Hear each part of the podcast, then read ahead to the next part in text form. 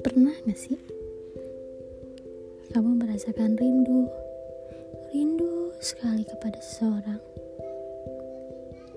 tapi kamu tak mungkin mengatakannya secara langsung.